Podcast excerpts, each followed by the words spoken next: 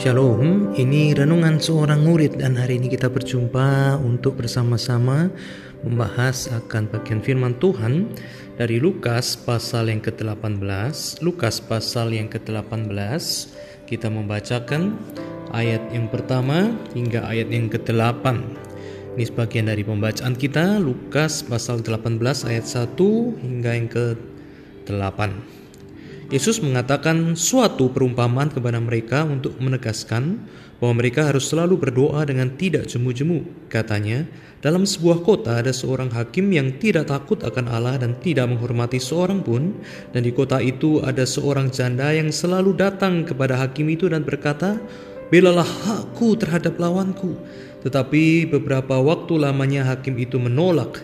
Tetapi kemudian ia berkata dalam hatinya, Walaupun aku tidak takut akan Allah dan tidak menghormati seorang pun, namun karena janda ini menyusahkan aku, baiklah aku membenarkan dia supaya jangan terus saja ia datang dan akhirnya menyerang aku. Kata Tuhan, camkanlah apa yang dikatakan hakim yang lalim itu. Tidakkah Allah akan membenarkan orang-orang pilihannya yang siang malam berseru kepadanya? Dan adakah ia mengulur-ngulur waktu sebelum menolong mereka? Aku berkata kepadamu, ia akan segera membenarkan mereka. Akan tetapi jika anak manusia itu datang, adakah ia mendapati iman di bumi? Nah, pada bagian hari ini kita akan bersama-sama merenungkan dan kita masuk di dalam doa. Tuhan bimbing kami untuk mengerti, memahami, dan mengalami akan firman Tuhan ini dalam kehidupan kami. Biarlah firman-Mu Tuhan menjadi sebuah perkataan yang terwujud dalam hati dan pikiran kami Biarlah ini bukan hanya sekedar perkataan yang berlalu, tetapi perkataan dengan penuh kuasa yang mewujudkan dirinya di dalam hidup kami. Kami serahkan waktu ini dalam nama Yesus Kristus, Sang Firman hidup. Kami berdoa. Amin. Pada kesempatan ini kita merenungkan sebuah bagian yang luar biasa menjelaskan tentang pentingnya berdoa di dalam kehidupan daripada orang yang percaya. Dan kita bersyukur bahwa pada kesempatan ini kita bisa melihat bagaimana Yesus sendiri yang menegaskan betapa pentingnya seseorang itu untuk terus berdoa dengan tidak jemu-jemunya. Dan dia memberikan sebuah perumpamaan ini. Jadi kita perlu melihat bagaimana Yesus mengatakan perumpamaan ini. Jadi kita jangan salah mengerti sebagai orang yang belajar akan firman Tuhan, kita belajar hikmat bijaksana Tuhan. Ya perumpamaan itu adalah sebuah cerita, adalah sebuah uh, cerita atau sebuah penggambaran yang menekankan kesamaan pada beberapa aspek. Jadi menekankan kesamaan pada beberapa aspek dan mengabaikan aspek-aspek yang lain. Nah, kenapa penting? Karena begini, orang kadang-kala lihat perumpamaan lalu semuanya diambil diciplak persis dari perumpamaan jadi seluruh isi perumpamaan ini harus begini, harus begini, harus persis seperti yang dikatakan. Nah jadi masalah begitu. Karena perumpamaan dikatakan Yesus memberikan perumpamaan artinya adalah perumpamaan harus dipahami sesuai dengan perumpamaan. Gitu ya jangan dipahami sebagai sebuah hal yang lain. Ya gaya bahasanya kita harus paham sehingga tidak salah untuk memahami begitu kan? Nah misalkan saya bilang anda oh saya patah hati begitu kan? Nah kalau saya patah hati terus kemudian anda bawa saya ke rumah sakit dibedahlah hati saya jantung saya atau liver saya kemudian dicari patah di mana. Nah itu saya sharing sama anda bukan jadi berkat malah jadi celaka karena dicari patah hatinya patah di mana lah yang saya itu butuhnya didengar, saya butuhnya adalah diberi kekuatan karena yang patah hati itu maksudnya adalah saya hati saya, perasaan saya, eh, kondisi mental saya itu sedang uh, tidak baik, sedang sedih, sedang mengalami sesuatu yang tidak membahagiakan. Nah, itu patah hati. Nah, itu adalah contoh pendek aja tentang gaya bahasa jangan salah ngerti kalau enggak bukan jadi berkat jadi kutuk. Nah, di sini kita masuk ke dalam bagian yang mengatakan bahwa ini perumpamaan tentang hakim yang tidak benar dan ditegaskan bagaimana seorang janda itu terus-menerus datang kepada hakim itu dan Kemudian bagaimana hakim itu kemudian menjawab dan memenuhi apa yang menjadi permintaan dari janda itu yang terus menerus terus menerus itu datang kepada dia. Nah, jadi di sini yang aspek dari cerita ini yang mau ditekankan oleh Tuhan kita Yesus Kristus adalah bagaimana kalau ada kejadian orang terus datang terus datang terus datang terus datang kepada manusia Yesus bilang bukankah akhirnya? Karena orang itu terus datang terus datang terus datang. Apa yang dia mau itu apa yang dia tuntut itu kemudian didengar dan dijawab dan dikabulkan. Gitu kan? Walaupun dalam cerita ini yang tidak sama adalah hakim ini memberikan akan apa yang janda itu mau karena dia merasa terpojok karena dia merasa direpotkan. Sehingga akhirnya dia memberi. Ya tetapi itu aspek yang berbeda.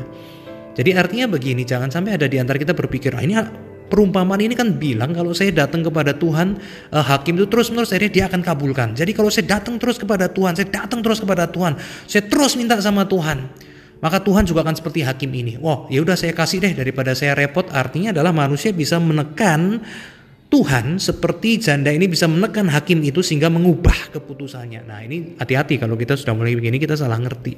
Karena ini perumpamaan yang ditekankan bukan hakimnya, yang bisa berubah pikiran karena janda bukan di situ. Penekanannya adalah ketekunan daripada janda itu. Nah, penekanannya di situ. Jadi kita pun harus tekun. Karena di dalam kehidupan kita lihat orang yang tekun, orang yang tekun berusaha yang terus meminta, orang yang tidak menyerah. Mereka menemukan, mereka menemukan jawaban, mereka menemukan akan uh, pengabulan daripada apa yang mereka harapkan. Mereka mencapai apa yang mereka itu usahakan. Nah, itulah ketekunan di dalam doa yang Tuhan Yesus ingin tekankan. Ya jangan kita lari ke sebelahnya bahwa kalau kita doa, kita puasa, apa seperti hakim ini Tuhan bisa berubah. Oh ini lain. Itu bukan bagian yang ditekankan di situ Tuhan kita adalah Tuhan yang tidak bisa kita tekan. Ya, tidak bisa kita tekan. Dia adalah Allah yang bekerja di dalam kebebasan kehendaknya dan di dalam kasihnya. Tapi satu hal yang percaya kalau kita datang dengan tekun kepada dia, tidak mungkin dia itu mengabaikan kita. Tidak mungkin dia itu tidak uh, memberikan yang terbaik kepada kita. Kita kalau datang terus kepada dia, masakan sih di dalam sebuah perumpamaan, perumpamaan lain. Kalau anak minta kepada bapak, roti masa dikasih batu? Tidak mungkin. Demikian juga kita datang. Ya tanpa jemu terus datang kepada Tuhan di dalam doa, membawa segala pergumulan kehidupan kita. Ada pertanyaan, pasangan hidup saya siapa? Tanyakan kepada Tuhan. Jangan setelah ketemu jatuh cinta baru bilang Tuhan saya mau yang ini. Jangan sebelum bahkan sebelum dapat Tanya Tuhan bimbing saya menemukan. Pekerjaan yang hari ini Anda mau, Anda doakan sama Tuhan. Tuhan apakah pekerjaan ini sudah cocok seperti yang Tuhan mau? Apakah pekerjaan ini bisa memuliakan Tuhan? Apakah pekerjaan Tuhan tu, ini ada prospeknya Tuhan untuk masa depan? Minta Tuhan tuntun terus dalam kehidupan kita.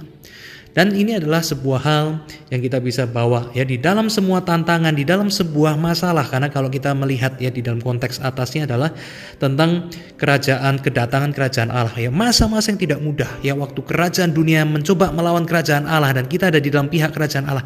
Kita kadang-kadang ingin menyerah, kita kadang-kadang ingin nangis, kita kadang-kadang ingin membuang iman kita, kita kadang-kadang ingin tidak peduli lagi apa sih kerajaan Tuhan, kerajaan Tuhan bikin saya repot, bikin saya susah. Nah, tapi Kuncinya satu, Yesus bilang engkau datang kepada Tuhan dengan tidak jemu-jemu. Maka di situ percaya bahwa Tuhan adalah Tuhan yang membenarkan akan orang-orang pilihannya. Dan dia adalah Tuhan yang tahu waktu yang tepat, ya tidak mengulur-ulur waktu untuk menolong mereka. Dan Yesus akhirnya bertanya di ayat ke-8, akankah aku dapatkan iman seperti ini yang berdoa dengan sebuah ketekunan dan doa dengan sebuah keyakinan kepada Tuhan. Nah inilah hati kita yang tidak sombong, tetapi hati kita yang terbuka yang menghadap kepada Tuhan, bermohon kepada Tuhan. Ini adalah hati yang harus kita punya. Ya jadi kita terbuka sama Tuhan di dalam tekun, di dalam doa. Bukan hanya sekedar minta-minta, tetapi bicarakan hidup kita. Bicarakan masalah kita. Bicarakan apa yang menjadi uh, kerinduan kita. Bicarakan apa yang menjadi kesempatan-kesempatan yang kita lihat. Bicarakan berkat-berkat Tuhan. Terbuka semuanya kepada Tuhan tanpa jemu. Maka percaya dia adalah Tuhan yang dekat dengan kita dan tidak meninggalkan kita. Nah Bagian ini dikuatkan sekali kalau Anda sempat baca nanti baca semua ayat 9 hingga ayat yang ke-14 ya lanjutannya itu sama intinya. Ada orang yang membanggakan dirinya, Tuhan aku puasa, Tuhan aku hebat, Tuhan aku kasih persembahan banyak sekali. Tapi ada satu orang yang datang, Tuhan siapa ini saya, saya ini pendosa, saya ini memukul diri, Tuhan aku ini orang yang jahat. Nah orang yang hatinya terbuka kayak gini, yang tidak membawa setiap kemenangan, kesombongan, kekuatan dia, inilah yang dibenarkan. Nah, inilah mengajak kita kembali sekali lagi, marilah kita punya iman yang kuat, iman yang rendah hati di hadapan Tuhan dan iman yang sepenuhnya percaya kepada Tuhan seperti anak-anak percaya kepada orang tuanya. Itu lanjutannya di dalam ayat 15 sampai ayat 17. Anak-anak kecil ini yang mempunyai kerajaan Allah. Orang yang punya iman seperti anak. Percaya penuh pada papa mama. Datang terus kepada papa mama. Tidak sombong terhadap mama. Mau rendah hati, mau taat. Dan di situ dia menemukan kasihnya. Daripada orang tua yang sempurna dan kita menemukan kasih Bapa kita yang sempurna. Mari kita berdoa. Buka hati sebesar-besarnya. Dan temukan dia adalah Tuhan yang tidak jauh dari kita. Terpujilah nama Tuhan. Mari kita berdoa. Tuhan kami berdoa, biarlah doa menjadi semangat hidup kami, menjadi sebuah suara hati yang terus muncul dalam hidup kami, terus muncul di mana pun kami berada, kami berbicara, kami membuka hati kami, pikiran kami, pertimbangan kami, kebutuhan kami, dan juga kebanggaan kami semua kepada Tuhan. Dan biarlah kami menemukan bahwa Engkau adalah Bapa kami dan kami adalah anak-anakmu yang mau sepenuh hati beriman, percaya, rendah hati, dan sepenuhnya yakin bahwa Engkau adalah Tuhan yang baik. Dalam nama Yesus Kristus kami berdoa. Amin. Tuhan berkati kita sekalian.